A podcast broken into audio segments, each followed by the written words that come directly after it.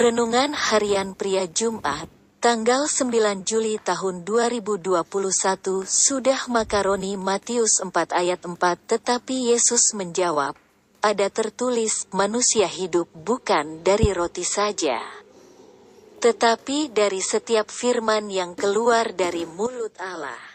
Pencobaan pertama dari si iblis yang ditujukan kepada Yesus adalah menjadikan batu-batu untuk menjadi roti.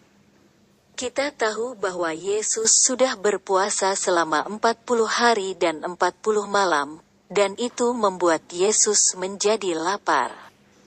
Menurut Anda dan saya, apakah Yesus bisa membuat batu-batu menjadi roti yang dapat dimakannya dan membuat laparnya dipuaskan? Pasti kita menjawab pertanyaan itu dengan mengatakan bahwa Yesus sanggup dan bisa menjadikan batu-batu itu menjadi roti yang dapat dimakan.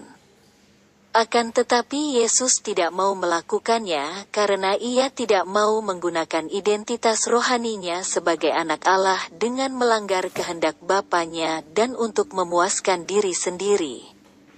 Yesus sedang memberikan kebenaran kepada setiap orang yang percaya kepadanya bahwa manusia hidup bukan karena dari roti saja, tetapi dari setiap firman yang keluar dari mulut Allah. Jadi setiap manusia agar bisa hidup, membutuhkan dua jenis makanan. Satu, makanan untuk jasmani, yaitu roti dan sejenisnya. Dua, firman Tuhan, sebagai makanan untuk kehidupan rohani.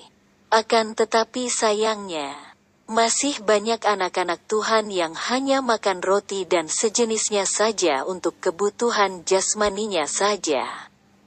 Mereka tidak peduli dengan manusia rohani mereka.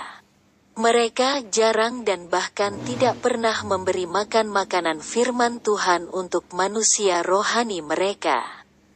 Bagaimana dengan Anda? Refleksi diri, apa yang firman Tuhan katakan kepada Anda? Bagaimana kehidupan Anda dengan firman Tuhan itu? Catat komitmen Anda terhadap firman Tuhan itu. Doakan komitmen Anda itu. Pengakuan iman saya berkomitmen untuk memberi makan manusia rohani saya dengan firman Tuhan setiap hari.